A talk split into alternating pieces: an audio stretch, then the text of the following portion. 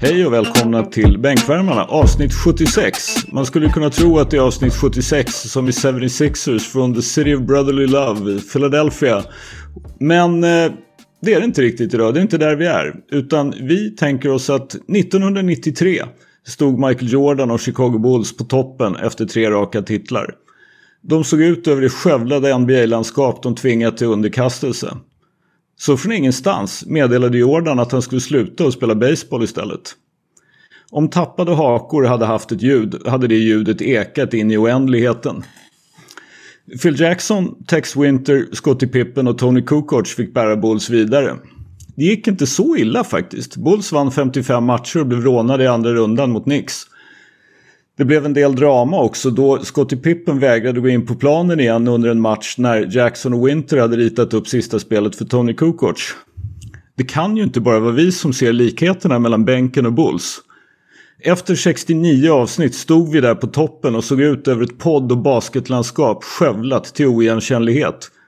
Då försvann Stefan Jovanovic. Inte för att spela baseball utan för att jobba och plugga om tappade hakor och så vidare. Skölden alias Jackson, Johansson alias Winter, Pippen alias Nick och Addis alias Kukoc körde vidare. Det har väl gått rätt hyggligt va? Så det är med stor glädje vi kan meddela att Stefan är tillbaka med oss ikväll och som vi har saknat honom. Ni vet vad det innebär. DeMar DeRozan is back baby! Eller vad säger Puppy's du home! Puppy's home motherfuckers! Fan vad jag har saknat er! Ni har ingen aning om hur mycket jag har saknat er. Fan vad glad jag blir att höra din inledning Skölden. Och, och uh, det banne mig eh, en av de mest lyckligaste stunderna i mitt liv att sitta här och podda med er.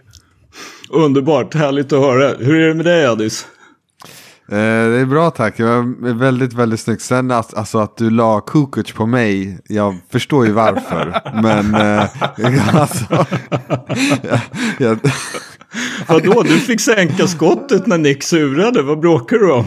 ja kanske, men du vet vad jag har för känslor kring eh, Gallinaris liksom, Gobia. Jag, jag vet precis, men som sagt, vad gör man? Vad gör man? Ja, nej men så Ja. är det. Men får jag bara säga någonting om 76 innan vi går vidare. 76, eh, vi har ingen, eh, ingen med det numret kanske, men 1976. Kevin Garnett, Duncan, Billups, massor Mm. med legender Mm. föddes. Så det kan vi ta med oss idag. Men när, när du ändå är inne på siffran 76 Addis, Mm. vet du vad jag undrar? Finns det någon basketpodd i Sverige, kanske till och med i Skandinavien, som är så poddat 76 avsnitt? Inte en chans. Fattar du, Jo, fattar du finns, hur grymma finns, vi är? men inte... Vadå? Jo, men det finns, men inte 76 raka avsnitt. Ja, men Nej, men exakt de, de, där spelar, de där spelar i minor League, så det där räknas inte. Vi sitter inte och snackar om division 3 och 4 när vi själva sitter och spelar i NBA, brorsan. LEB-platta. Leb Skönt Att Vi har ju-. Vi har ju playoff-matcher, det är det. Alltså. Precis. Stefan, du, vi vet ju redan hur det är med dig, så det är fantastiskt. Så Nick, hur är det med dig? Först och främst vill jag be om ursäkt till alla för att tekniken strular och ni hör mig dåligt. Eh, sen vill jag säga att eh, jag kom på idag att det finns inget som heter måndagsångest i min värld. För att jag vet att efter att du har jobbat och gått till bänken och lyft 120 bänkpress utan att ha stretchat ens eller värmt upp eller ingen pre-workout, inget sånt. Jag vet att efter allt det där kommer jag hem och så får jag podda med mina boys. Och det finns fan ingenting bättre. Så ja, det känns jävligt skönt att vara här. Let's do this. Let's fucking do this. Härligt att höra Nick. Fan vad det känns bra att höra precis just det där. Johansson, hur är det med dig? Det är bara bra. Jag måste ju hänga med i att jag tycker att det är fantastiskt kul att Stefan är tillbaka. Fan vad vi har saknat dig gubben. Ja, Helvete. Så jävla mycket kärlek. Så, så är det mycket kärlek. faktiskt. Det är underbart att vara hel, hela bandet samlat igen. Och vi är faktiskt samlade en dag då det har hänt eh, väldigt intressanta saker i svensk basket. Idag presenterade Svenska Basketbollförbundet det nya förbundscoachteam som ska ta över svenska damlandslaget efter Marco Crespi. Och spela kval i november om jag inte helt missminner mig. Och vi har ju naturligtvis synpunkter på det. De som Svenska Basketbollförbundet har valt ut är än så länge bara tre. Det ska tydligen bli en fjärde också. Men det är då Irene Otamiri från EOS Basket. Det är Kevin Taylor Lundgren från Norrköping och så är det Robin Sandberg som vann SM-guld i våras med Luleå. Det är de tre. Och jag känner ett par saker för det här som jag bara tänkte få ur vägen först innan vi släpper in Nick. För det första så tycker jag att det känns som att det är med tanke på att vi spelar matcher i november och alla de här tre har uppdrag, liksom heltidsuppdrag, väldigt eh, tidskrävande uppdrag så känns det som att det är lite sent att presentera det här i den 4 oktober när det är typ sju veckor till kvalmatcher. Det andra är att ingen av de här tre, oberoende av någonting annat, har ju gjort någonting fel. De har tackat ja till ett jobb. Så om vi råkar säga någonting som liksom där vi kanske inte tycker att det här känns helt hundra. Så har det ju väldigt, väldigt lite att göra med Irene Otemiri, Kevin Lundgren Taylor, eller Kevin Taylor Lundgren och Robin Sandberg. Eh, för sen är det ju en sak till. Och det är det att man fortfarande då håller på att rekrytera det man nu för tiden kallar för en sportchef, det som förut hette landslagschef. Och det känns ju också lite backhanded att man rekryterar en sportchef efter att man har utsett förbundscoachteamen. Jag hade nog gärna sett att en sportchef fått vara med i den rekryteringen. Eller vad säger du Nick? Alltså, det finns väl få människor som har försvarat det nya konceptet med flera förbundscoacher mer än mig. Så det måste jag klargöra innan jag fortsätter för att jag tycker att själva idén känns fräsch och eh, fräsch och ny och det är något som vi kan bygga på långsiktigt. Jag vet att Jonte Karlsson sa, legendariskt citat, när han gästade, när han sa att Sveriges viktigaste match är alltid om fem år. Uh, man, man, kan driva om det, men någon gång måste vi ta tag i det och faktiskt börja lång, bygga långsiktigt. På riktigt. Så själva konceptet, konceptet har jag ingenting emot. Och jag, jag tweetade ju innan eh, nyheten kom ut att vi visste liksom det skulle vara Kevin Taylor Lundgren, Sandberg, Frasse Pinto. Nu var Pinto inte med, men man vet ju på ett ungefär vilka namn det kan röra sig om. Problemet här, tycker jag, är att som du säger Skölden, först och främst, du måste anställa en sportchef. Vi har sett det här faktiskt i många gånger om. Kanske inte på landslagsnivå, men på klubbnivå. Om du anställer coachen först och sen sportchefen, det, det slutar nästan alltid i en brutal jävla pannkaka. För det är trots allt sportchefen i slutändan som har det övergripande ansvaret. Och eh, man vill ju jobba med människor man eh, kommer överens med och människor man tror på. Och nu kanske man tar in någon som inte alls klickar med de här coacherna. Och det är ju inte bra. Sen ser vi ju att det är tre namn som, som har presenterats och inte fyra. Och det säger mig inget annat än att man var sent ute. Man lyckades inte liksom komma överens med den här fjärde personen i tid. Och då tycker jag det ser väldigt oprofessionellt ut. Det ser inte bra ut. Att du presenterar tre, ja det fjärde namnet det kommer någon gång. Uh, vi har ju match snart. Vad är det som händer? Det är för sent. Precis som du säger själv, jag tycker även för herrlandslaget. Vi har fortfarande, förbundet har fortfarande inte presenterat vilket team det blir. Uh, det är för sent. Det är för sent. Det är på, på tok för sent. Det skulle ha gjorts minst tre, fyra veckor innan det här.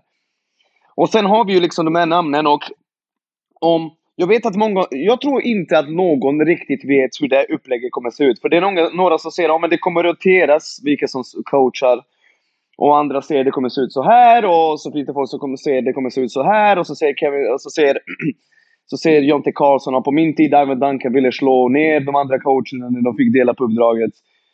Jag tror att om vi tittar på de här tre namnen och så ser Robin Sandberg, Kevin Taylor Lundgren och Irene Otamiri. Jag ser Kevin Taylor Lundgren som head coach och så ser du Robin och Irene som assisterande coacher. Och det upplägget tycker jag känns väldigt rimligt.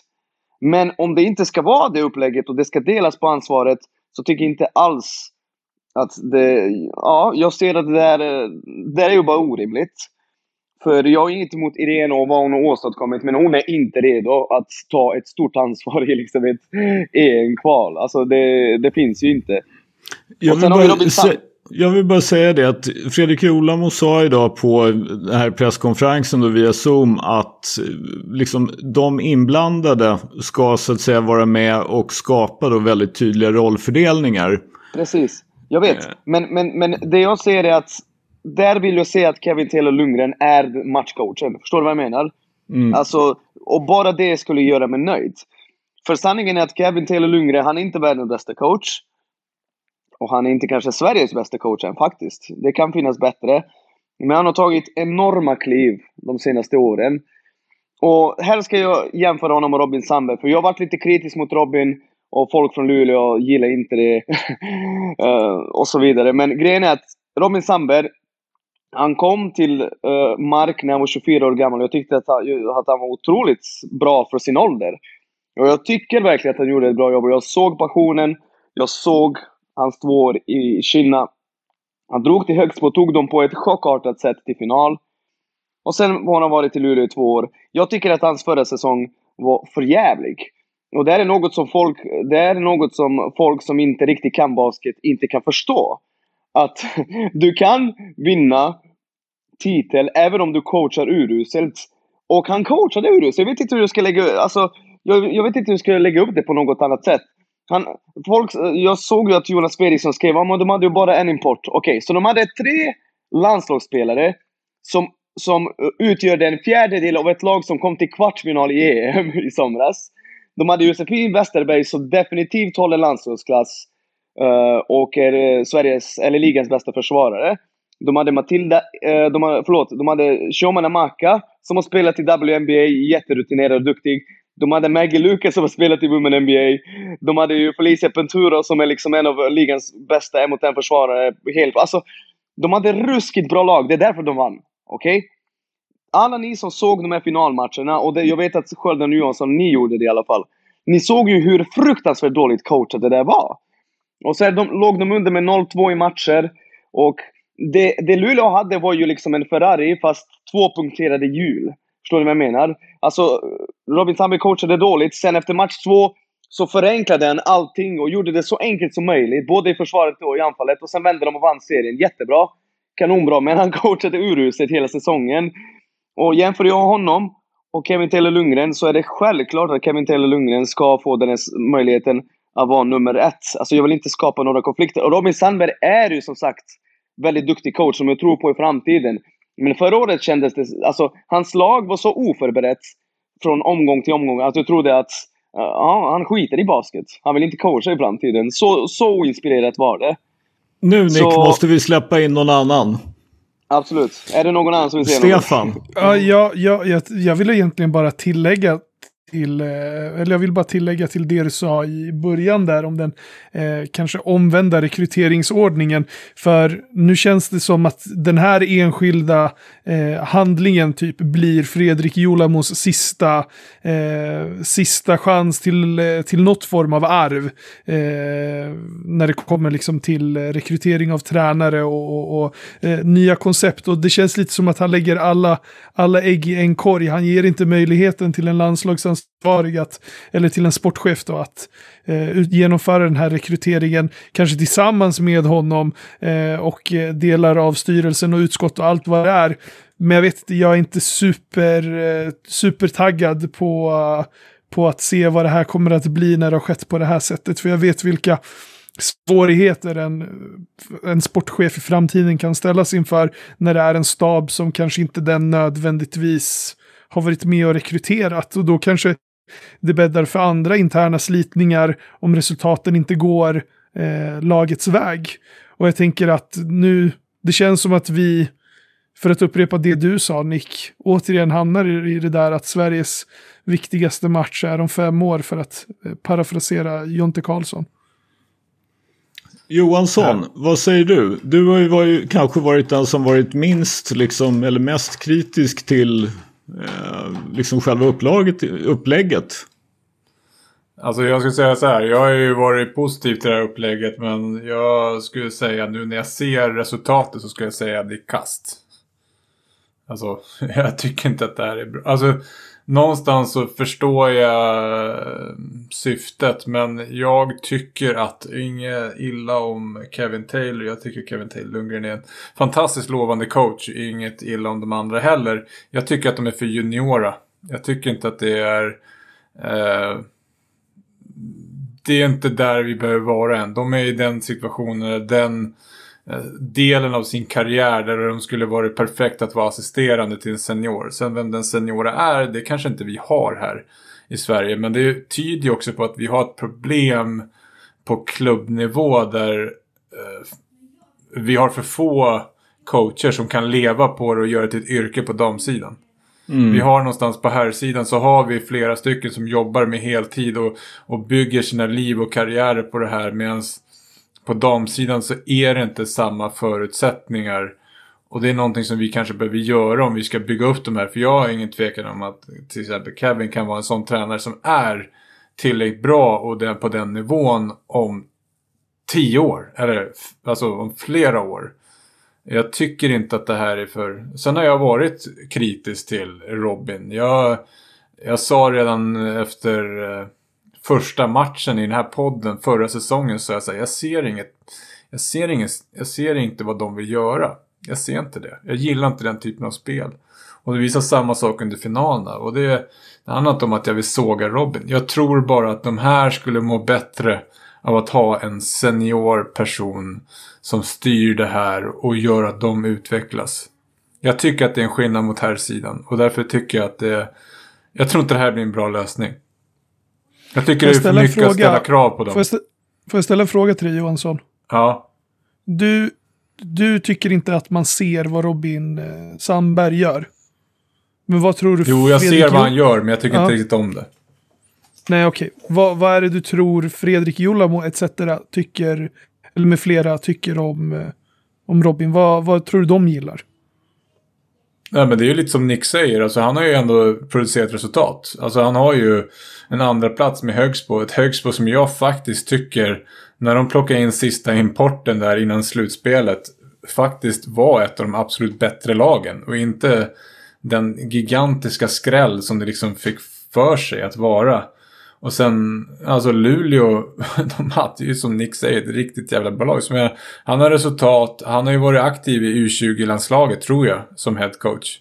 Så jag menar, han har ju varit i landslagsverksamheten en längre tid och liksom jag förstår någonstans att han är en av de två namnen eller som man pratar om som ung och lovande. Uh, en, en sak också jag vill säga här är att alltså, just Kevin Taylor Lundgren, man måste gå tillbaka dit. Jag ser honom coacha damer och jag ser honom vara assisterande coachen i herrlaget. Och jag ser honom faktiskt ha ganska mycket att säga till i både i herrlaget och såklart i damlaget där han är huvudtränare. Alltså det är en man som verkligen har investerat sin tid och energi och vill hemskt gärna bli riktigt jävla bra på sitt jobb. Och jag sa ju innan att vi kommer vara tvungna att ta en leap of faith här. Vi kommer inte vara, alltså oavsett vilka namn vi ser där, vi kommer inte, ingen kommer vara 100% nöjd. Någon gång måste vi satsa på ett ungt svenskt namn. Och nu gör vi det. Och nu tycker jag att Kevin Taylor tillsammans med Robin och Irene, vi får liksom ge det till, alltså man är inte nöjd med allting, men jag tycker just Kevin Taylor att, jag tycker inte det är rättvist Johansson att säga att uh, Ja, men han, om tio år? Vadå om tio år? Nej, alltså det, vi har inte tio år att vänta på. Vi måste... Har vi en ung talang, nu kör vi. Vi förlorar ju älde, mest roligt eh, både Eldeblinkarna och Kalis Lloyd. Vi, vi kommer inte vara lika bra. Så det är väldigt viktigt att förstå nu att när vi låter den nya coachstaben ta över att vi inte kommer vinna matcher lika ofta. Vi behöver tid, vi behöver växa ihop och eh, ja, just när det kommer till Kevin så tycker jag att det är ett namn som jag hemskt gärna hade velat se. Kanske i en roll som man, ja, de flesta anser att han är för, för ung för.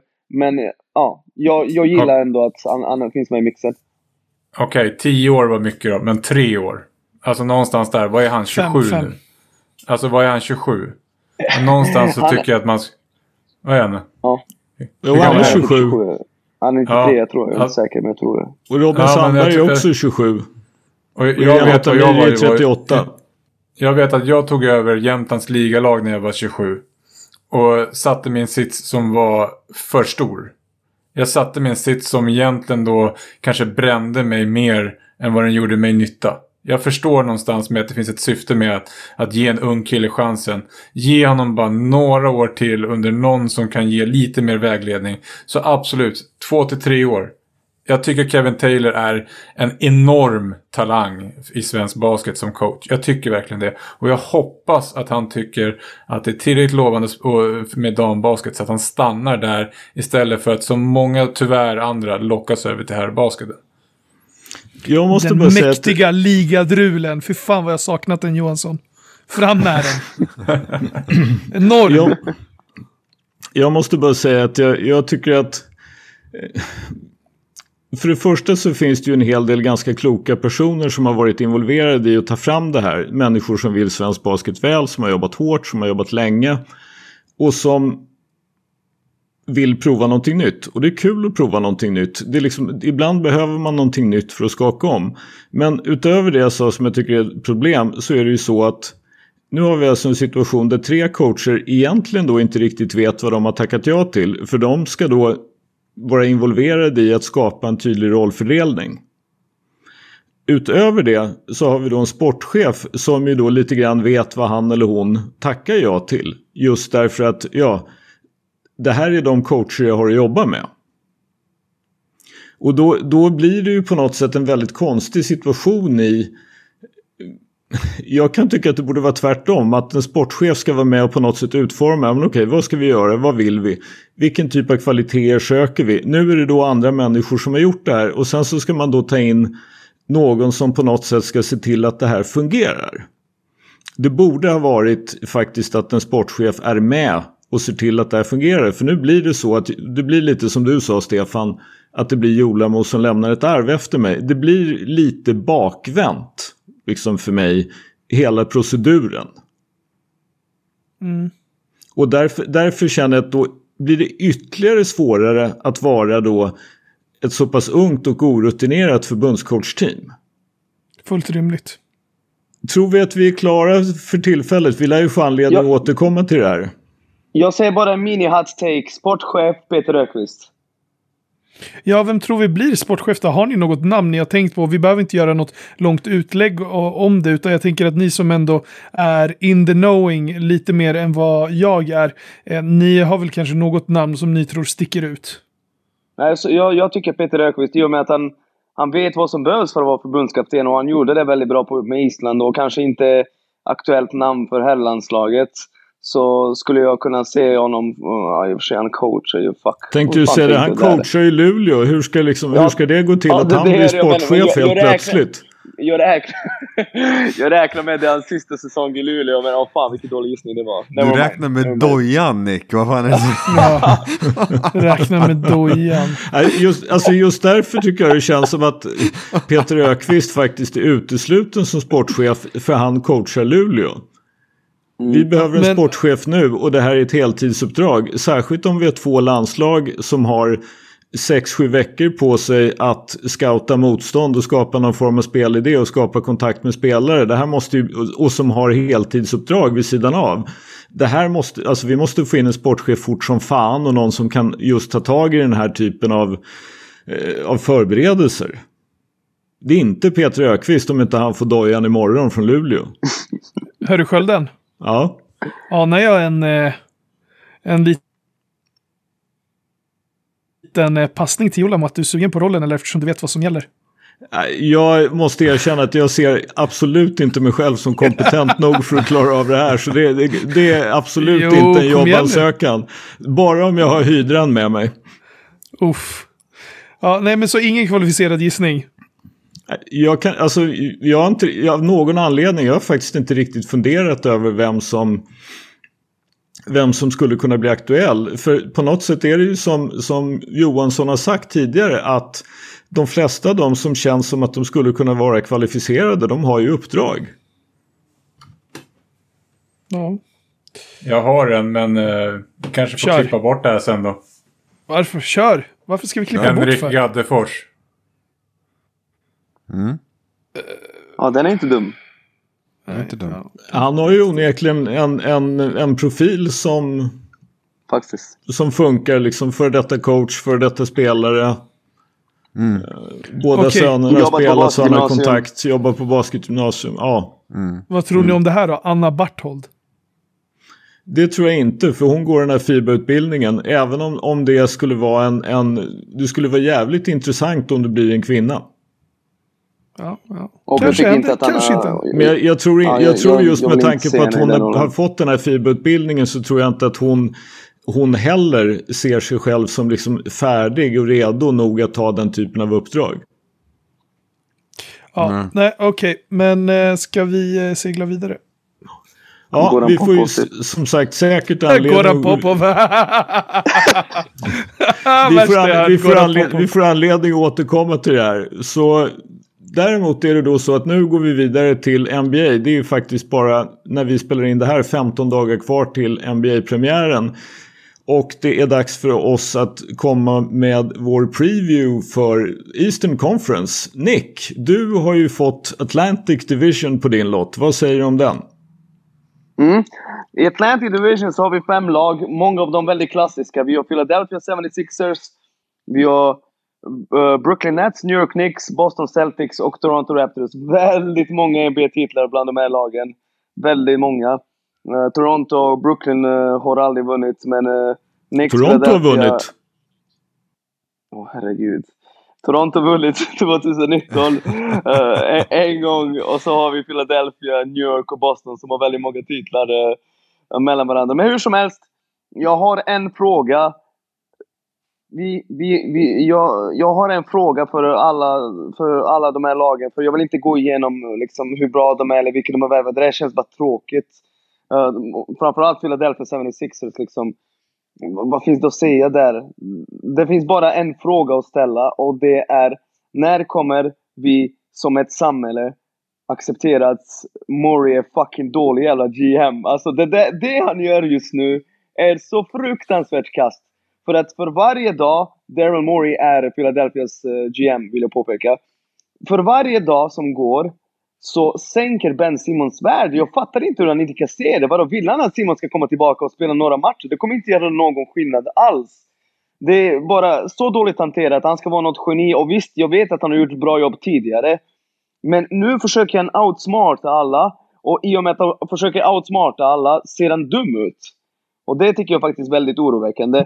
När det gäller New York Knicks så undrar jag uh, om Tibbs tänker eh, ge Emmanuel Quickly lite mer speltid. För han är kär i sina veteraner. Och jag tror faktiskt att Quickly har potential att bli en snubbe som snittar 20 poäng, 7 assist per match.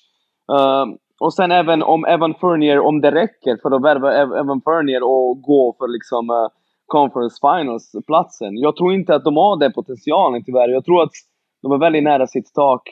Så vi får se om de kan vara bättre än förra säsongen. När det gäller Brooklyn, äh, förlåt, Boston Celtics så undrar jag, vad har ni gjort för att bygga runt Tatum och Brown? För att Tatum och Brown båda är snuskigt bra basketspelare, alltså på riktigt. Och de utvecklas i väldigt, väldigt snabb takt. Problemet är att, ja, om du har Marcus Smart som typ tredje bästa spelaren i laget, hur, hur långt kan du komma då? Jag har sett några program och, titt- och lyssnat på poddar där de ser att ja, men Boston skulle kunna utmana om eh, NBA-titeln. Nej, verkligen inte. De är... Den är eh, de, de lägger allt sitt hopp på en snubbe som är känd för att alltid komma sent till träningar och möten. Det är faktiskt sjukt. uh, så nej, Boston, jag, jag är inte så hoppfull. Och när det gäller Brooklyn så undrar jag när Kyrie Irving kommer uh, bara växa upp och sluta tro att jorden är platt och att det finns en konspiration mot honom och att alla hatar honom. Och, uh, alltså, jag är bara trött på den här grabben. Addis, jag vet att du gillar honom för att han är outspoken. Jag har inget emot att han säger vad han tycker. Men det känns som att när han var i Cleveland, det kom rapporter om att han, det, han var ett problem i omklädningsrummet. När han spelade i Boston, exakt samma sak. Och nu i Brooklyn, han dyker upp. Ibland är han där, ibland är han inte där. Han, han ser alltid ut som att han är sjukt less. alltså jag ser ingen glädje i den här människan. Jag tror att han på egen hand kan sabba hela det här projektet. Och så har vi Toronto Raptors och den viktigaste frågan för Toronto, Toronto Raptors är vad finns det för semesterställen tidigt i april 2022? För att de kommer inte gå till slut för de är dåliga, de har blivit av med Kyle Lowry. Det känns inte som att uh, Goran Dragic, uh, Gary Trent Jr och uh, Pascal Siakam kan göra något vettigt tillsammans. Så, that was all. Det var allt. Tycker att det var en eh, bra sammanfattning. Jag håller med om, om eh, faktiskt det mesta förutom då att du börjar med att såga Mori. Eh, fan du sågar båda, både Ker, eh, Kyrie och Mori i samma segment. Eh, du vet att jag, jag vurmar för båda. Men, eh, men jag, jag håller såklart med dig om resten och att alltså Framförallt så här Boston. Jag känner när jag tittar på Boston. Jag har fan ingen aning nu när. Det, Brad Stevens var ju där så länge. Uh, Udoka, jag har ingen aning hur han kommer vara som uh, head coach och så vidare. De, de känns som ett stort frågetecken för mig faktiskt. Alltså de kan gå bra, men det skulle inte förvåna mig heller om det inte går bra alls heller. Så. Alltså jag har nu i två år gett både Toronto och Boston där rimlighetens tvi... Alltså att de Mm. kommer fixa även fast de förlorar spelare eller vad som helst. På grund av coach, på grund av vad som helst. Jag har gett upp. Mm. jag tror fan inte det kommer gå bra för någon av dem. Alltså med tanke på det vi pratade om Sverige, det Jonte hade sagt om att eh, Sveriges viktigaste match eller vad han sa är om fem år. Det känns som att Boston har resonerat så i hur många år som helst. Ja men alltså vi kommer liksom, vänta bara, våra draft picks ni vet. Det kommer hända, det kommer hända, det kommer hända. Det händer ju aldrig. Ingenting händer. Ja. Nej. Lite samma sak där. Ja. Nej, alltså jag, jag tror inte på någon av dem. Jag tror att de kommer få det jävligt tufft. Jag, jag gillar ju Nets. Så det, Ja. de tror jag på. Ja, samma här. Storfavoriter. Ja, all, allting handlar väl för Nets egentligen som sagt. Är Harden och Durant och Irving friska och, och, och på banan när slutspelet kommer. Då lär det väl bli hyggligt knepigt för, Ehm, för alla andra. Jag är inte riktigt lika out på Boston som ni. Men det beror ju å andra sidan på att jag inte är lika out på er som Marcus Smart. Sen har de fått tillbaka Al Horford och sen så plockade de ju faktiskt upp tack, nej tack, nej tack till 20 miljoner dollar om året Dennis Schröder. Så de har inte bara tappat spelare. Jag ser inte riktigt det här att de blev av med Evan Fournier som, någon, som något jätteproblem och att de blev av med Kemba Walker var väl snarast en fördel. Stefan, vad har vi på South East Division från, med utsikt från lyx, lyxkryssaren? Vi har en hel del. Vet du vad jag lärde mig i, eh, i morse, Skölden? Nej? Nej.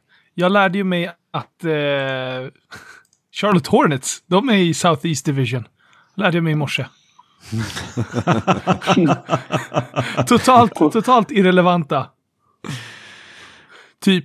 Nej, men jag tänker att vi, eh, vi avslutar med Miami Heat och vi börjar med eh, mitt andra lilla poplag som jag eh, föll pladask för förra säsongen, nämligen Atlanta Hawks. Och eh, förra säsongen så avslutade de eh, grundserien med ett record på 41 31.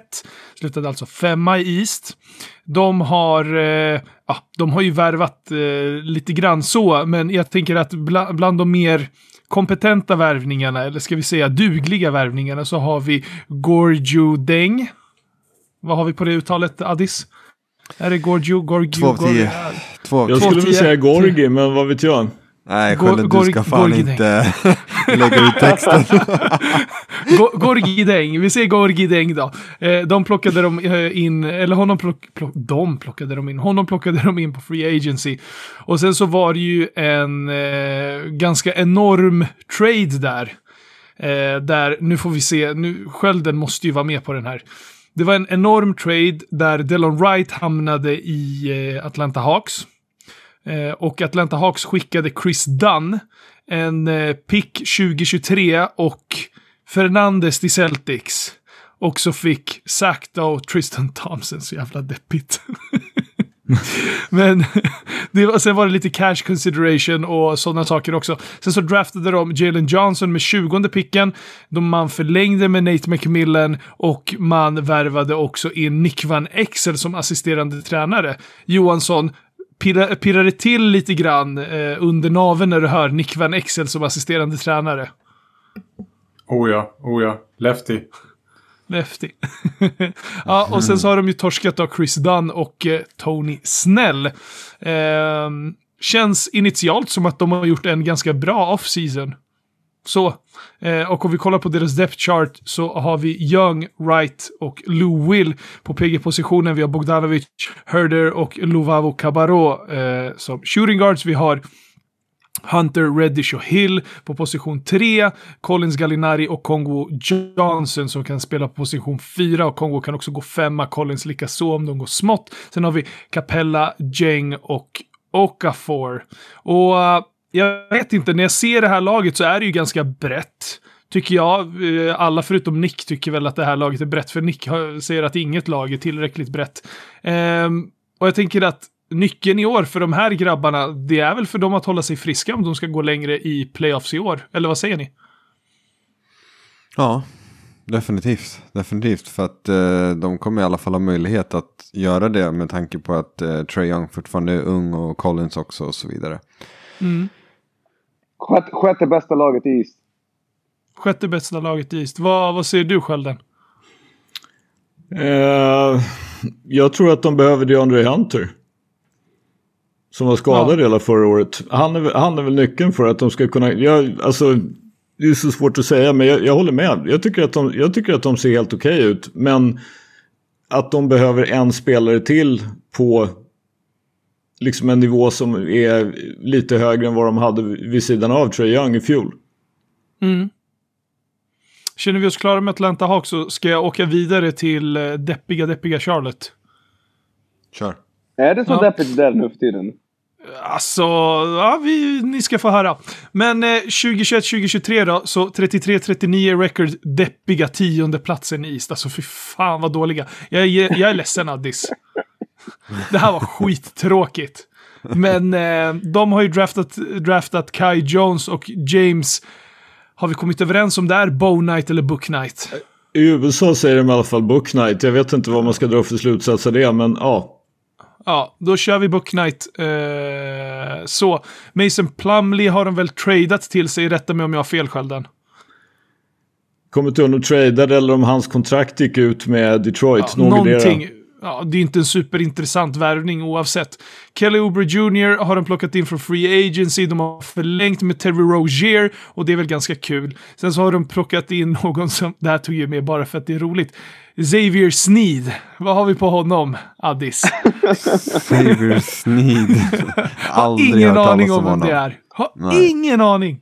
Sen så har de torskat Caleb Martin, K-Bry, och eh, även eh, Devontae, a.k.a. MIP, en säsong Graham, eh, till New Orleans Pelicans, eh, vill jag minnas att det är. Och eh, om vi kollar på deras depth chart så har de ju liksom LaMelo Ball och Ish Smith. Just det, de har ju plockat in Ish Smith också. Fy fan vad hemskt. Alltså, jag måste bara Smith, avbryta där. Det är ju- det är ju- Terry Rozier, Book Knight. Det är ju fruktansvärt att de splittrar tvillingparet. Tvillingparet, Caleb och Cody Martin. Hur fan kan de göra så? Ja, fan vad... Ja. Sorgligt. Sorgligt. Jag gråter. Jag skrattar inte, jag gråter. Ja, gråt vidare. Ja, nej men så LaMelo Ball och Ish Smith på ettan, vi har Rozier och Book Knight på tvåan. Vi har Gordon Hayward och Kelly Oubre och Miles Bridges. Börjar bli lite tjockt där på eh, position 3. Sen har vi Washington eh, på position 4 och där kan ju Bridges också spela och så deppiga, deppiga Miles Plumley. Fy fan vad jag är trött på honom. Och nyckeln i år då gubbar, eh, det är väl att Gordon Hayward håller sig skadefri. Eh, eller vad säger vi? För de inledde ju fantastiskt med honom. Så gick det käpprätt åt helvete så fort han och LaMelo Ball skadade sig. Håller med. Jag håller med, jag såg ju Mm. mycket av dem förra året av eh, Mm. Förklarliga skäl. Mer än vad man borde kan jag säga. Och eh, Samma så Samma säg vad man vill om, eh, ja Nick vet också, för, av den andra anledningen. Vi var ju liksom nemesis. Men eh, av eh, det man kunde se var ju att, alltså säg vad man vill om pengarna Hayward fick och så vidare. Han behövs ju verkligen för det laget. Och han är, alltså, han är 100%. bra. Han är en bra spelare. Alltså han, var, Ja. han förvånade mig faktiskt. Han är jävligt vass. Så. Men så är det väl också när man får spela första fiolen i ett lag som inte har mycket mer än massa tredje och fjärde fioler. Ja, ja men så är det. Det är lätt att vara en stor fisk i en liten damm. Men vi åker vidare. Fuck Charlotte Hornets. Orlando Magic då gubbar. Deppiga, deppiga 21, 51 Åh, och fy 14 fan, vad East förra deppigt. Nej säsongen. men sluta. Sluta. Ska vi bara hoppa, eller för Rickard eh, Eriksson. Shoutout Rickard plockat in, vill Eriksson. ni höra det här? sen, Vill ni höra det här? nej. Nej, Jag tycker om att höra. Vi, din vi röst. De har plockat in... jo, jo, jo, lyssna nu. De har plockat in mäktiga Admiral Schofield. Är inte det han från Prison Break? De har plockat Jo, Admiral Schofield. Ja, vad, Michael vad var det han hette. Addis? Michael Ja. Schofield. Ja, men Michael uttalas Scofield. eh, Admirals efternamn Schofield? Visst gör det det? ingen aning. Alltså, jag Ja. Ja, det guy? uttalas så. Skitsamma, de har plockat in admiralen. Eat one more. ja, eat one more. De har plockat in Mo Wa- Wagner. De har plockat in hans brorsa Franz Wagner. De har plockat in Jalen Suggs som för övrigt är den enda liksom eh, nicea grejen att se i det här deppiga lagbygget. Och så har de plockat in Robin Lopez. Och så har de tappat uh, Otto Porter och Dwayne Bacon. Inte för att någon bryr sig. Uh, det är några till där, men jag visste inte vilka det var. Så jag sket i att skriva ner deras namn. Om vi kollar deras depth chart då. Ja, Fultz och Cole Anthony på PG-positionen. Sen har vi Suggs och RJ Hampton. På vingen så har vi typ bara Terrence Ross. Och det är illa nog att ha Terrence Ross i sitt lag.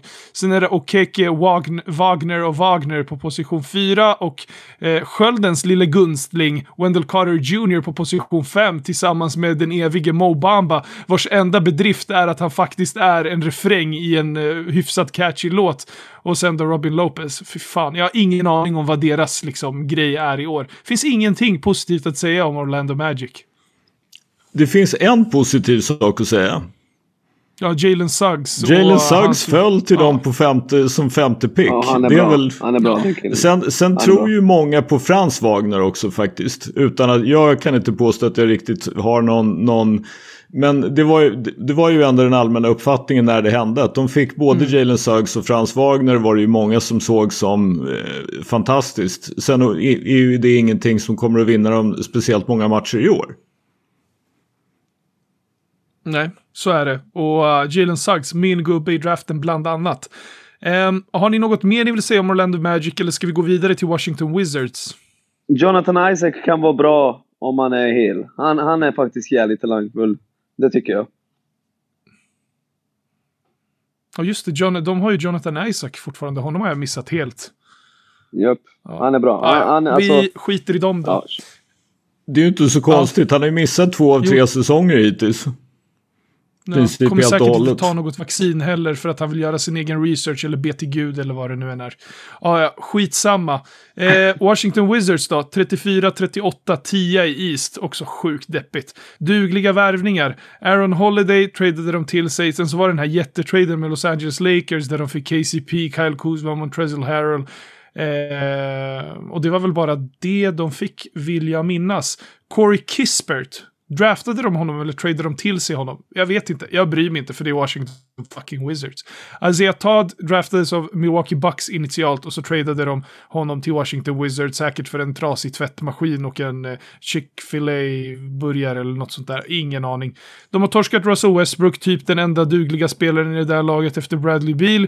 Eh, om man ens kan kallas för duglig. Vi har Alex Lenn som de har torskat till Free Agency. Ish Smith drog ju till Charlotte Hornets och Robin Lopez till Orlando Magic. Om vi kollar på deras depth chart då. Ja, det är Spencer Dinwiddie som är tillbaka efter korsbandsskada och en misslyckad finansiering av typ så här krypto... Eh, currency istället för pengar eller något sånt där. Det har gått riktigt dåligt för Spencer sen, sen KD och grabbarna kom till, till Brooklyn och jag lider lite grann med honom. Sen är det Aaron Holiday och Netto på position 1. Vi har Bill och KCP på position 2. Position 3. Vem kommer starta Nick? Vad tror du? Avdi eller Kuzma? Benny Avdia. Fuck Kuzma. Av, av ren princip. Ja, av ren princip, det är pest eller kolera där. Fy fan vad snett jag var på Denny Avdia. Ah, äh, hemskt. Och så har vi Corey Kispert där då, som eh, har antagits vara den absolut bästa skytten i den här draften. Vad är hans tak? Ja, fattigmans Joe Harris. Vi får se hur det blir med det. På position 4 har vi Rui Hachimura, eh, Davis Bertans och Isaiah Todd. Snark, snark, snark. På position 5 så är det väl eh, Bryant och Harrell. Också absolut ingenting. Daniel Gafford Och- och- kommer att starta. Ja, just det. Din gubbe från Chicago Bulls va? Precis, för det är väl så Ja. vill jag minnas att eh, Bryant är skadad. Ja, just det. Han drog ju också Och missar liksom inledningen av säsongen i alla fall. Ja. Så därför tror jag Gafford kommer att starta. Ja. Och jag tänker nyckeln här, gubbar, ni hör ju hur det här laget låter när ni hör liksom depth charten. Det är ju ganska deppigt. Så jag tänker att nyckeln den här säsongen, det blir väl någonstans att eh, ja, men se och hitta en identitet efter liksom eh, John Wall, efter Westbrook. Vart fan ska de någonstans? Vad är det som händer?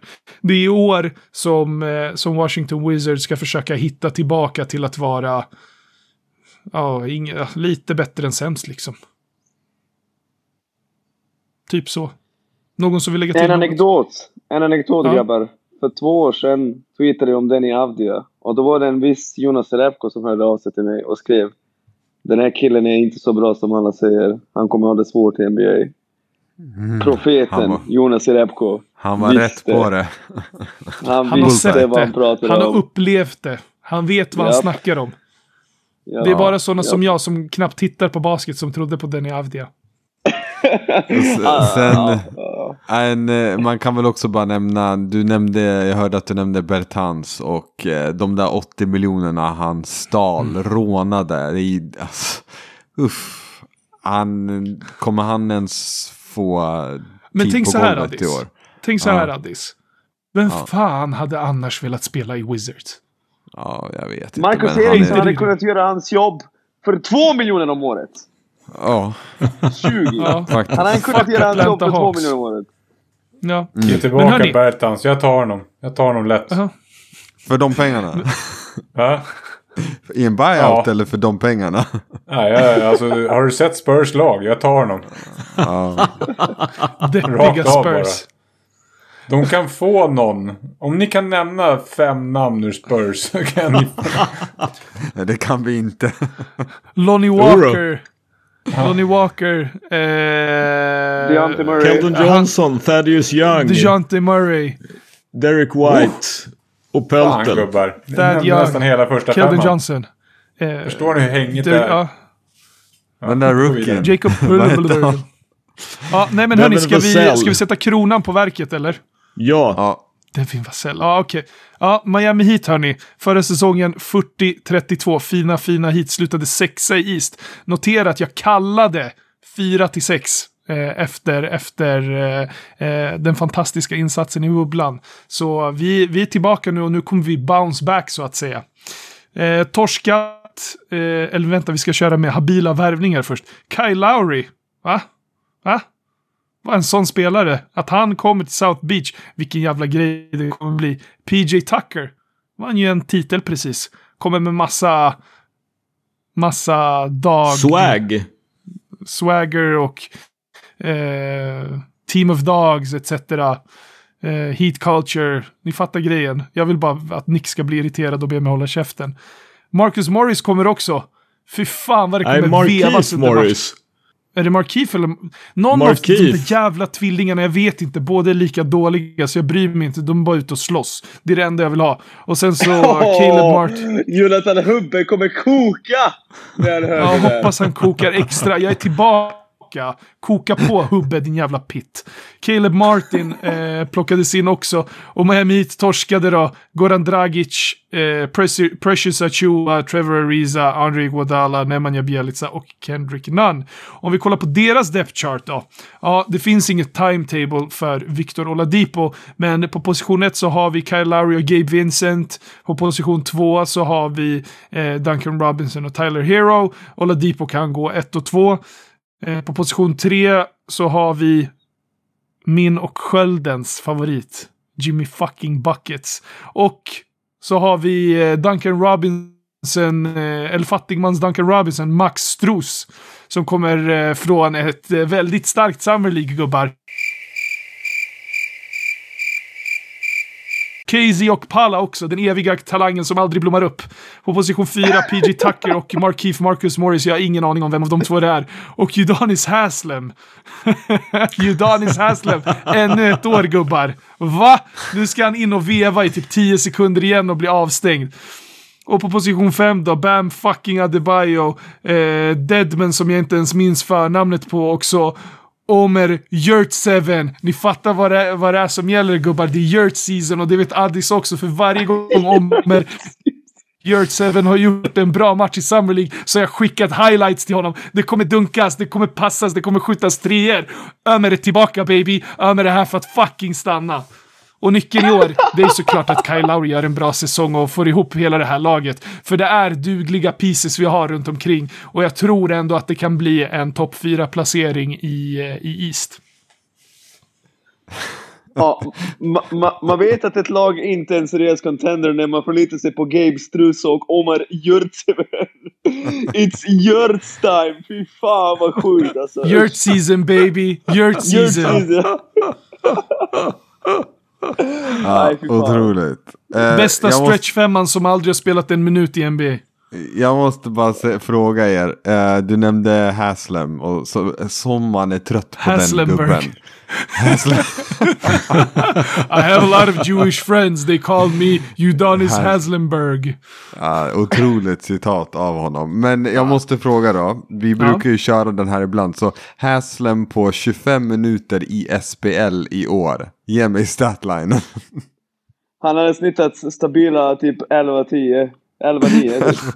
Eh, Nej, jag tror fan 8-7 11-9 alltså. och typ 4,5 foul. 8-7 och 4,5 foul. Jag är nog vet, på han är ganska 8-7 än stor. 11-10. ah, du vet, han är ganska st stor. Du vet, ligan är Han, ganska liten. han är ganska stor, men vet du hur många matcher han har spelat sedan 2014-15? Typ 18. 37, Nej, nej. 16, 14, 10, 4, 1. Så han har spelat fem matcher på två säsonger, 15 på tre, 29 på fyra. Vilken jävla Jag kallar kung max han 8 är och alltså. 7. Vilken Nej, jävla kung han är bättre än Colwell. Colwell snittar typ... eh, Precis, vi har 11, ju studenter som är inne och spelar typ 25 minuter match. Alltså det är Ja, ju... Okej då. Kan då. Colwell ha de statsen så kan fan Haslem få 11-10. Vad, Ja, tror ni, vad kanske. tror ni Haslem har i Superettan då? Är det 2020? Kan han göra 20? Ja, ja, ja, ja. 2015 är easy. 20, kom igen. fan. 2015? Alltså nu måste, Ja, ja. nu måste vi vidare. Vi måste bort från Udonis Haslem. Alltså jag är Ja, men där ledsen. fick ni Southeast i alla fall gubbar. Och uh, ni vet vilka som vinner divisionen va? Självklart. Orlando Magic.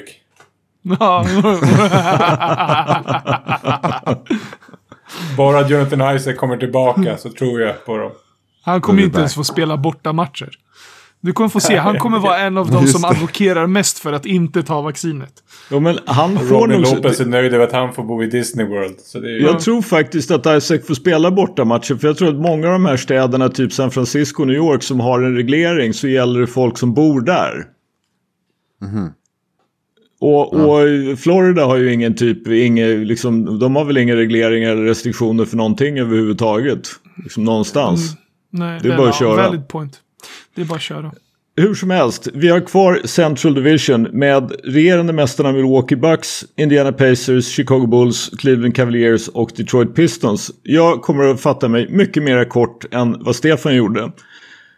Detroit har fått Cade Cunningham och de är väl ungefär som svenska basketlandslagen just nu. Deras viktigaste match är om fem år eller i alla fall om två eller tre. Det är ju Cade Cunningham som ska få nycklarna. Sen tror jag att Detroit och för den delen faktiskt Knicks älskade Cleveland Cavaliers kommer det vara så pass bra att det inte bara är liksom att hämta hem vinster mot de här lagen. De kommer att ställa till det för ett och annat lag. De kommer säkert att vinna liksom in, istället för 12-15 så att det liksom är gratismatcher för alla som möter dem så tror jag att båda de två lagen kommer att vinna minst 25 matcher. Men jag ser ju inte att de liksom, jag ser inte dina 17-10 efter 27 omgångar Nick, jag gör inte det. Men det, det, det kan vi ta en annan dag. Vad det gäller Bulls så är jag ju förstås på gärdsgården precis som vanligt. Ni vet vad de har gjort, ni vet vilka de har värvat. Och ni vet vilka förhoppningar jag har på att vi faktiskt ska kunna slåss om att vara topp 6. Men jag känner ju att det måste till en ganska markant överprestation av coachstaben för att det här ska lösa sig. Jag tror säkert att Chicago Bulls kan skåra med DeMar DeRozan, Rosen. Eh, Zach Lavin och eh, Lonzo Ball också för den delen och inte minst Vucevic. Men vem i helvete ska spela försvar i det där laget förutom Lonzo Ball? Vi, we shall see. Det ordnar sig kanske med det eller inte. Däremot är det så att Bulls får ju lite grann gratis nu för att Indiana Pacers som jag har varnat för, de har ju ett och annat problem. Förutom då att TJ Warrens stressfraktur i foten inte alls läker som den ska och han är fortfarande out indefinitely. Alltså man har inte ens någon, liksom någon, någon, något schema för när han ska komma tillbaka. Så har Caris Levert fått en stressfraktur i ryggen. De tror i och för sig att han ska kunna vara tillbaka ganska snabbt. Men Caris Levert är ju en av de senaste årens mest otursförföljda spelare. Som är han inte skadad så drabbas han av någon konstig liksom, utväxt, något cancerogent på njuren. Så we'll see about Caris Levert. Och utan att de får någonting av Caris Levert och TJ Warren så ja, de kommer säkert att vara helt okej. Okay, men de kommer inte att vara lika bra som de hade varit med de två med i laget. För det är två riktigt bra spelare. Det är klart att det kostar att vara av med båda. Och sen är det då till sist Milwaukee Bucks. Jag har Brooklyn Nets som superfavorit i East. Oberoende av det här vad Kyrie Irving hittar på eller inte. Allting handlar bara om att vara friska. Men Giannis Antetokounmpo är faktiskt fortfarande bara om jag inte helt missminner mig, 26 år gammal. Och har hittills blivit bättre egentligen för varje år som går. Fortsätter han att bli bättre år för år så har de kvar alla utom PJ Tucker och de får då förhoppningsvis för dem tillbaka Dante DiVincenzo som var skadad inför slutspelet. Han skadade sig väl efter någon match i slutspelet om jag inte helt missminner mig. Och det pajade ju deras rotation ganska friskt. Så att de fick, nöta, de fick verkligen nöta benhårt på, på alla möjliga. Och de har då tagit tillbaka George Hill som var bra för dem förut men en katastrof i Oklahoma.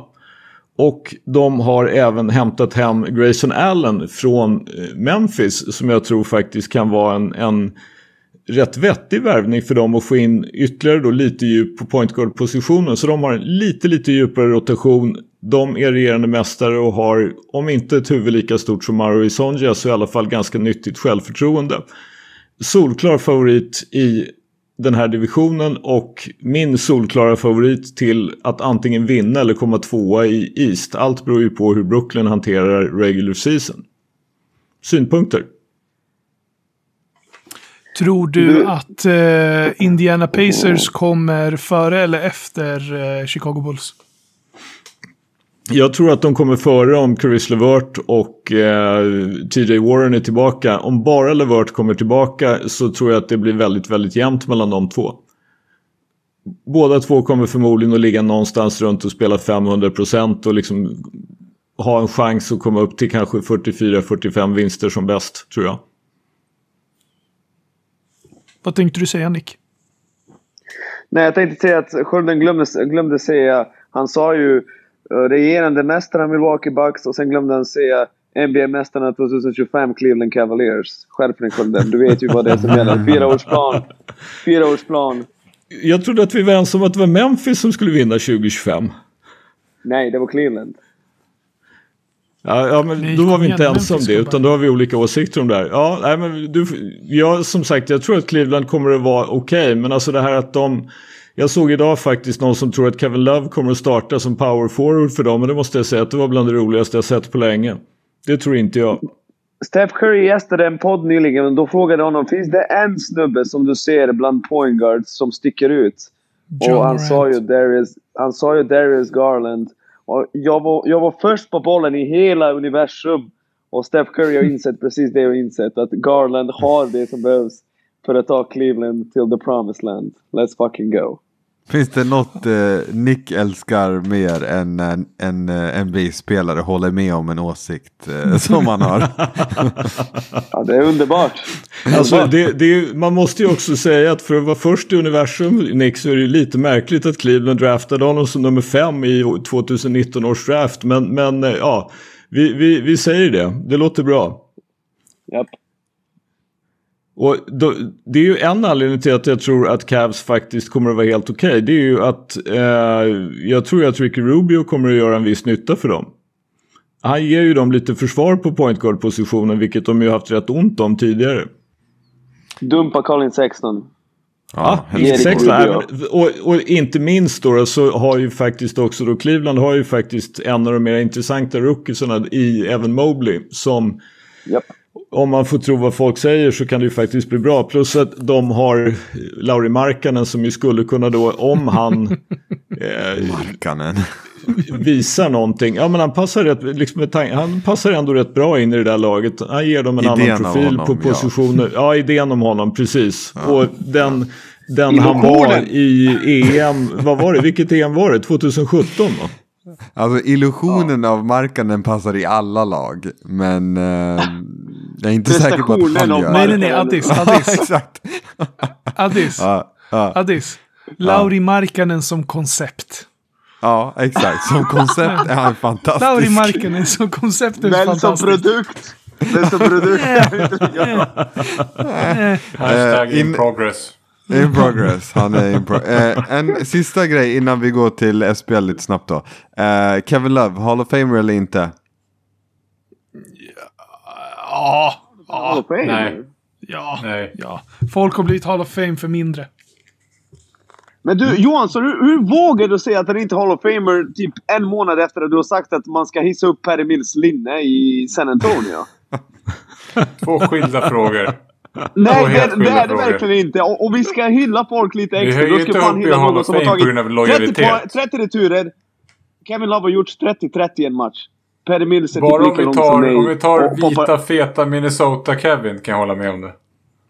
Älskar Ja, men feta alltså- Minnesota Kevin. Jag tror, jag tror att Kevin Lover blir... ja, Jag tror, eller Kevin Love, Kevin Lover. Den var faktiskt bra. Freudian slip.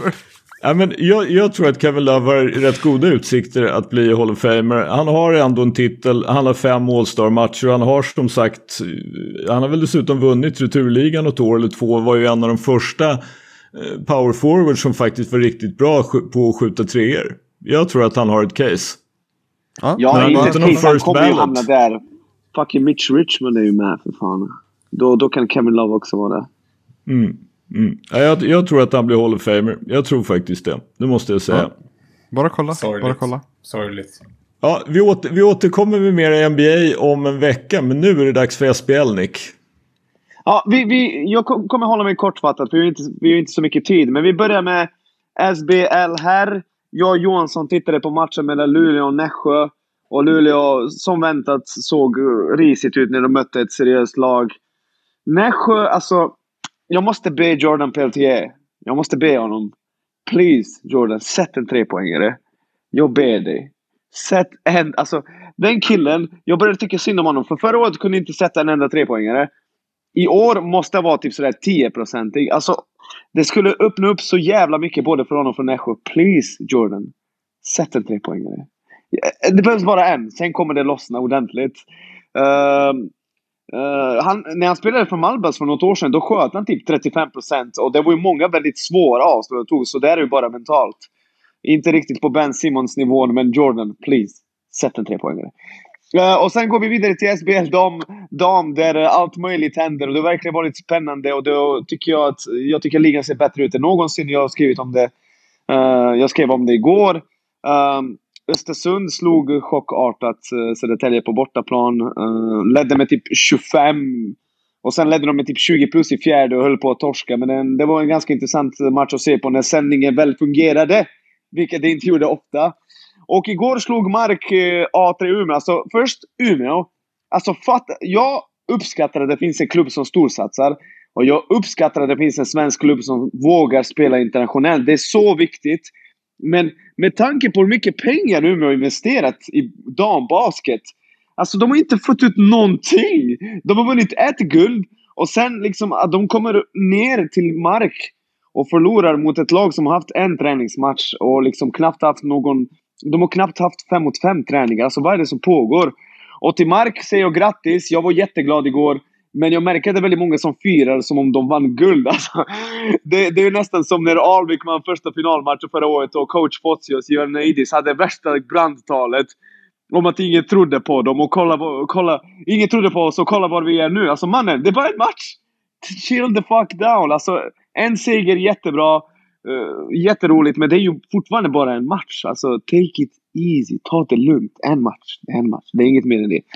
Uh, och med det så avslutar vi. Alltså, vi har inte mer tid. Jag hade kunnat skriva en bok om SBL, det vet, det vet ni. Men vi måste tyvärr En gå tjock vidare. bok. Ja, en tjock jävla bok. Om, till, om, Kan- om varje omgång. Kan inte Johansson och Nick ha en egen avknoppning där de bara snackar SBL?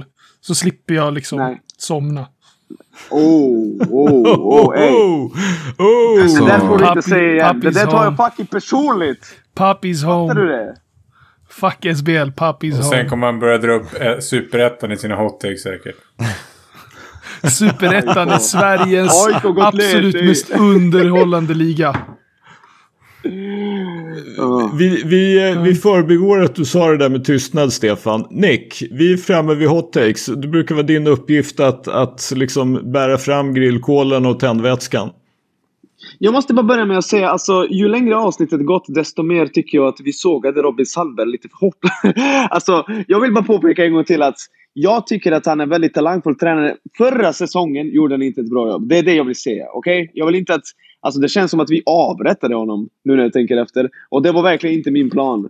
Så han har potential. Jag förstår varför han är med. Men han hade en riktigt kass säsong 2000-2021 trots guld. Okej. Eh, nu när mitt samvete, må, alltså när jag har gott samvete kan vi gå vidare. Så här är det. Lyssna allihopa, det här är väldigt viktigt. Om ni skulle försöka hitta stats eller tabell i ligan så hade ni inte kunnat hitta det. Förbundet har gjort om sin sida. Och jag vet, jag vet, jag pratar för folk, jag, med folk. Jag vet att tanken är att man ska få in allt i ett system så det ska bli bättre än någonsin och mer avancerad statistik än någonsin. Bla bla. Men det skulle ni gjort i somras. Det är så jävla dåligt och pinsamt att jag skäms. jag pratade faktiskt eh, med en eh, polare om detta. Och han sa ju att det är skrämmande att två, tre, två veckor in på säsongen att man inte kan hitta statistik någonstans. Det, är- det är så jävla dåligt. Och det är under all kritik. Och jag vet inte vad jag ska säga mer än att det, det får ju bara inte hända. Alltså, nu har vi faktiskt varit... Vi här på den, just den här podden har faktiskt inte tagit det på, på populistiska, Popul, populistiska sidan och bara trashat förbundet och sagt att allt är förbundets fel. För det stämmer ju inte. Vi vet ju bättre än det att visst, förbundet bör göra ett bättre jobb i många frågor, men allt är inte deras fel. Där, här, finns det ingen annan att skylla på. Okej? Det är bara förbundets fel. Ni skulle ha fixat detta för länge sedan. Det är inte okej att säsongen har börjat och vi kan inte... Alltså, det är värsta processen att ta sig fram till statsen liksom från matchen. Alltså hur svårt kan det vara? Det där måste vara ordnat. Jag är ledsen, ni får F i betyg när det gäller detta. Tyvärr, oacceptabelt. För dåligt. Kast. Får får jag hoppa in? För jag, jag, jag håller med dig. Speciellt jag gick in på SBL här sida och jag tweetade ut det. att, Alltså, den, den är så... Den är fel. Ja, jag vet att de ska göra om den och alltihopa. Men den är fan felriktad. Alltså, jag sa ju det att jag skulle ju vilja att liksom... När man kommer in, det man vill se. Det vi alla som är basket-junkies vill se. Det är stats. Alltså vi vill se längst upp att det rullar spelade matcher. Då när jag gjorde det för någon vecka sedan. Då, då rullades det liksom så här kommande matcher. Jag vill gå in och se stats. Jag skiter blankt i matchen efter texter. Det är ingen som läser dem under 40. Jag Ja, skiter sant. blankt i det. Jag vill titta på stats. Jag vill gå in och se vem som gjorde mycket poäng. Vem som spelar mycket. Vem som hade mycket turnovers. Jag skiter i när nästa match är. Jag skiter i att någon skriver en fantastisk text. Även om Gerke är underhållande och alltihopa. Det är inte det största för mig. För rent handen på hjärtat. Den enda var som läser artiklar på nätet om basket. Det är ju skölden. Typ. Men Johansson, du har ett ansvar att ta. Du har ju fyllt 40 nu. Du, du måste börja läsa det där nu. Sån är lagen. Ja, jag vet. Jag vet. Men alltså, jag håller jag helt ha med. mer Alltså, alltså med stats så får man en inblick och det går mycket snabbare. Det är ju så man läser av en match om man inte har sett den på bästa sätt. Jag orkar inte sitta och läsa vad med i tredje korten så ja, gjorde den här det. Det är ointressant faktiskt. Helheten får man Jag, jag vill bara ställa en fråga. Vilket ansvar har SPL för det här? Är det, är det liksom bara förbundet som ska stå för lösningen eller är på något sätt SPL också involverat? Jag, jag, jag är inte SPL säker. har ju sin egen inte sida. på det. Jo, fast de har ju alltid hängt ihop och de har varit kopplade och man liksom Ja. på något Precis. sätt har det funnits en överenskommelse. Men, men jag tänker mig just det här att det här är ju faktiskt, jag håller ju med om, om kritiken och Eh, man har ju haft, i alla, liksom faktiskt förut till säsongstart, just det vi efterfrågar här. En, en ganska enkel möjlighet att få fram stats och kunna följa eh, att kunna följa matcher att kunna läsa av stats och liksom sammanlagd statistik och det ska vara enkelt att hitta fram till. För alla vet att basketfolk är statistiknördar. Det är som sagt mycket viktigare. Även för oss över 40. Så är det. Ja, eh, jag har faktiskt varit väldigt lat idag för jag visste ju att Nick skulle ha en hot take och jag visste att Stefan var tillbaka och eh, ju har liksom laddat i sex veckor. Så jag har helt enkelt avstått från att ha någon hot take. Okej, men eh, fan ska vi köra en hot take för varje vecka jag varit borta eller? Jag tycker det räcker med en för varannan vecka och jag har varit borta.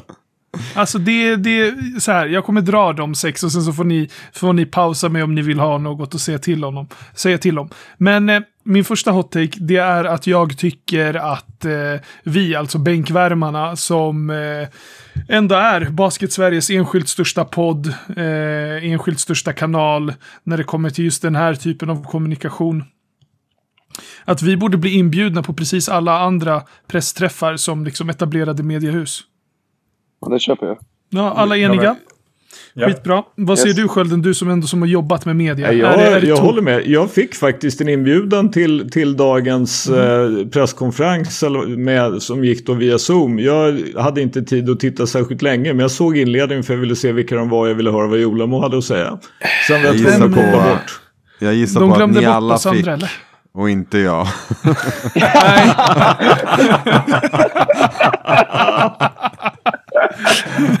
Alltså, sluta ignorera Addis! Addis är också en Sluta in. Free. Addis, min fucking broder. Free, free Addis. Free Addis. Nej men okej, så, så ja, Skölden fick en inbjudan, men fan dåligt att inte resten får en inbjudan. Ja, blir lite rimligt. eh, eh, pisk med rottingen, eller vad brukar du säga Skölden?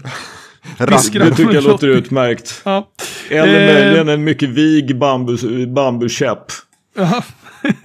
Nästa hot take. Vi borde fan sitta courtside varje gång landslaget spelar för vi är ju fortfarande bänken och ingen fuckar med oss. Eh, har ni något att säga till om det? Klart vi ska sitta courtside. Jag håller med. Rimligt. 100 procent. Vi fucking Ingen bänken. sågar förbundet och landslagen som vi. Nej. Vi Låt fucking oss, låt oss facea upp dem från courtside. Exakt. Ingen kommer att bli gladare än vi när vi har fel dessutom. Precis. Och eh, jag tror inte på den här coachtrion som har blivit eh, ja, men tilldelad damlandslaget. Och jag ger dem ett och ett halvt år, max ett och ett halvt år. Och ni som följer landslagsbasket vet ju att ett och ett halvt år inte är sådär superlänge. Men max ett och ett halvt år. Sen kommer det gå käpprätt åt helvete. Bara därför så kommer det säkert gå skitbra, för att jag säger det. Men eh, initialt så tror jag inte på det. Ett och ett halvt år ger jag dem. Eh, så vi får väl se hur det blir när vi spelar in avsnitt. Vad blir det, typ 200 kanske? Får vi väl se vad Någonting som sånt. Sen eh, Ben Simmons framför Kyrie Irving. Jag är så jävla trött på Kyrie Irving. Alltså ni anar inte hur trött jag är på den där snubben. Trada bort honom. Lägg Kyrie Irving och någon jävla pick och trade honom för Ben Simmons.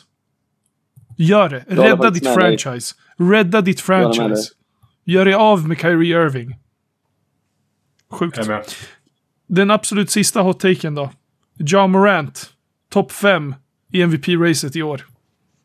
Stänger vi. Den är butiken. het. Den är het. Den är het. Den är stekhet faktiskt. För eh, om vi kollar, om vi kollar, eh, han blev ju draftad 2019 va? Yes. Ja, det måste det ha varit.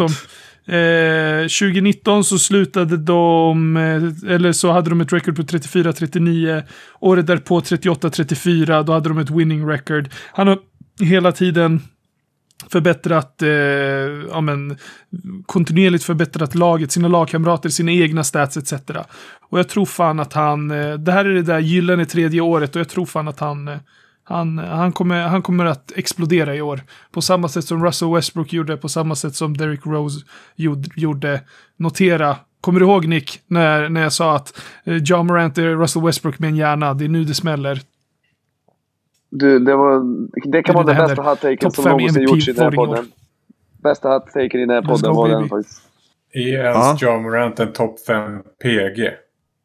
Nej. Men det är en hot take. Nej. Det är en hot take. Ja, och den en är hot hot. Topp 5 MVP-racet. Jag, Ja. jag har av oklara skäl tittat lite grann på så här fantasy och sånt där. Jag har noterat att eh, de flesta rankar John Morant någonstans mellan 40 och 60 i fantasy-racet. Nu är förstås fantasy någonting helt annat än det verkliga livet. Men det är svårt Mm. att tänka sig att någon som är topp 5 i MVP-racet skulle gå så sent i en fantasy-draft. Men alla som håller på, alla fantasy-runkare kan dra åt helvete. Så jävla trött på fantasy-gubbar. Åh nej, men mitt fantasy-lag och de här poängen. Håll käften. Ska jag säga vad det, det roligaste? Det är ju att eh, det här, alltså fotbollsfans, de har ju hittat fantasy nu. Liksom. Ja, Tycker det att det är. FPL. Ja, och FBL, bla bla. Man bara, okej, jag lirar fantasy för typ tio år Också sedan. en hot take. Ta det lugnt. Fotbollssupportrar, generellt sett helt dumma i huvudet. Ja. Alltså hemska är ju att jag måste säga 20 år sedan Addis. Men det, det eller jag, kanske inte du men jag då. Du körde med penna och papper och hade sådana draft i Nej, nej, nej, nej. Alltså, ni, ni, ni fattar inte riktigt det här, men det fanns faktiskt internet redan 2001. Det fanns internet på 90-talet också. Och det Du gick körde att på köra Yahoo, fantasy då. visst? Nej, Alta Alta Vista. Vista. Alta Vista. Nej, faktiskt inte Alta Vista, däremot Yahoo. Ja. Har jag spelat NBA Fantasy på, det är helt riktigt. nej, nej, nej. Alltså han menade 40 Alta? Vista som eh, sökmotor. Ja, jag, Själv då? självklart har Ja, ja. jag haft Alta Vista. Escape du, som webbläsare. Netscape, va? Skölden, eh, körde du fantasy med ABA också eller? Nej, det gjorde jag däremot inte. Faktiskt inte. Vad är det som händer? ta bort det jävla modemljudet. Johansson, muta. Så här, så här lät det när skölden skulle ut på nätet. Tidigt 00-tal. Jag skulle ha varit diktator. 100%. Ni fattar inte det här, men så lät det inte tidigt 00-tal. Däremot på 90-talet lät det så. Precis så lät det då. Sent 90-tal, men inte tidigt 00-tal. Nej, Mitten på 90-talet. Alltså Aha. jag kommer inte ihåg riktigt, men jag vet att vi hade internet på jobbet typ 94 eller 93 eller något sånt där. Så ja. Vad gjorde ni med internet då på jobbet? På jobbet. Alltså vad gjorde alltså, ni liksom? det- dels, internet dels kunde man ju då söka på Skickade Alta mejl. Vista för att hitta information. Och sen så kunde man skicka saker. Alltså ni fattar inte det här, men det, vilken, vilken grej det var att kunna skicka en bild via internet istället för via, via typ en, en, en, en avancerad fax. Men eh, fan skölden, vilken är den roligaste bilden du skickade i den, på den interna mailslingan eh, tidigt 90-tal? Det var säkert med en katt. Jag, jag, har faktiskt, jag har faktiskt ingen som helst aning. Det är så länge sedan så det har jag glömt bort. Ja, ska vi Så gå ut på det då? Ja, tack Ja. för idag. Avsnitt för idag. 76, City of Brotherly Love på er där ute. Tjingling! Ciao. Era jävla snisar, ni har precis lyssnat på bänken. 76 Men jävla vänta, avsnitt. A- a- a- Addis hot take. Nej, vi tar den nästa vecka, fan i 90 minuter. Förlåt, förlåt Stefan. Förlåt, Stefan. Ja, Addis, du behöver inte klippa bort det där. Det, det får vara kvar. 90 Okej. jävla minuter, det märks att jag är tillbaka. Ni kan alla dra åt helvete, ni vet vilka vi är. Ni vet vart vi finns. Sprid oss, följ oss. Nick, du vet att man kan följa oss på Spotify va? Ja, det är helt sjukt. Glöm inte att följa oss på Spotify. Nick fick reda på det för, förra veckan. Vi ses som inte annat courtside när Sverige möter Finland, eller hur Johannes Wåhlert? Puss puss, hej då!